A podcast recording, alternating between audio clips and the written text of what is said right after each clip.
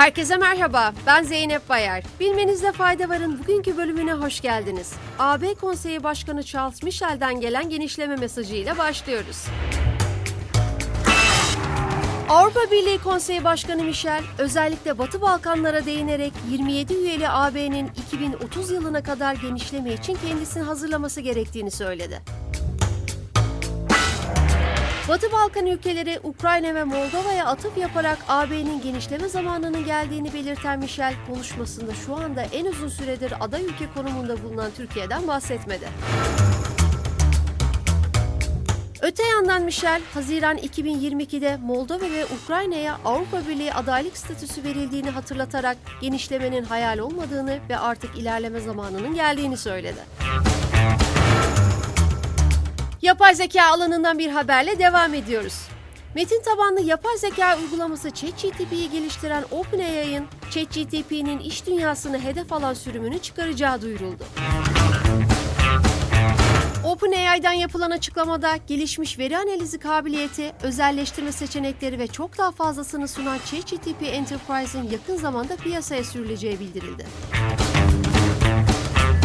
Yapay zekanın çalışanları daha yaratıcı ve üretken hale getirebileceğine inanıldığı belirtilen şirket açıklamasında çalışanlar için yapay zeka asistanına doğru bir adım daha atıldığı aktarıldı.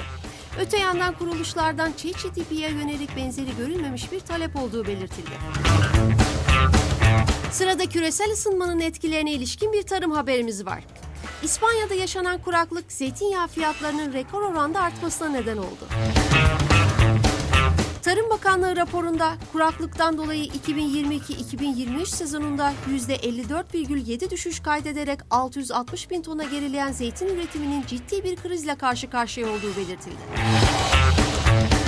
Süpermarketlerde 2 yıl önce litresi 3,5 euroya satılan zeytinyağının mevcut durumda 10 euroya kadar yükseldiğini hatırlatan yetkililer, kuraklığın sürmesi halinde bu fiyatın 2024'te 12 euroyu bulabileceğini bildirdi.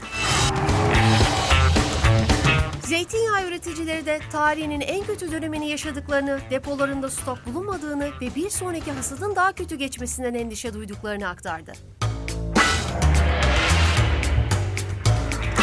Çin yurt dışından gelen yolculara uygulanan COVID-19 test sonucu bildirme zorunluluğunu 30 Ağustos'tan itibaren kaldırıyor. Dışişleri Bakanlığı yetkilileri Pekin'de düzenlenen basın toplantısında bundan böyle yolcuların seyahat öncesinde antijen test sonucunu bildirmesinin istenmeyeceğini açıkladı. Böylece Covid-19 salgını nedeniyle uygulanan son seyahat tedbiri de yürürlükten kalkmış olacak. Fransa'da gündem yaratan son haberimizde noktalıyoruz. Fransa Eğitim Bakanı Gabriel Attal'ın abaya ve entari tarzı uzun elbiselerin laikliğe aykırı olduğu gerekçesiyle okullarda giyilmesine müsaade etmeyeceğini açıklaması tepkilere yol açtı. Fransa Eğitim Bakanlığı okullarda laiklik ihlalinin arttığına ilişkin raporun basın bültenini geçen hafta paylaşmıştı. Metinde son yıllarda kız ve erkek öğrencilerin okullarda abaya, tünik ve entariye benzer kıyafetler giymesiyle laiklik ihlalinin %150 arttığı iddia edilmişti. Bilmenizde fayda varın bugünkü bölümünün sonuna geldik. 30 Ağustos Zafer Bayramınızı şimdiden kutluyorum.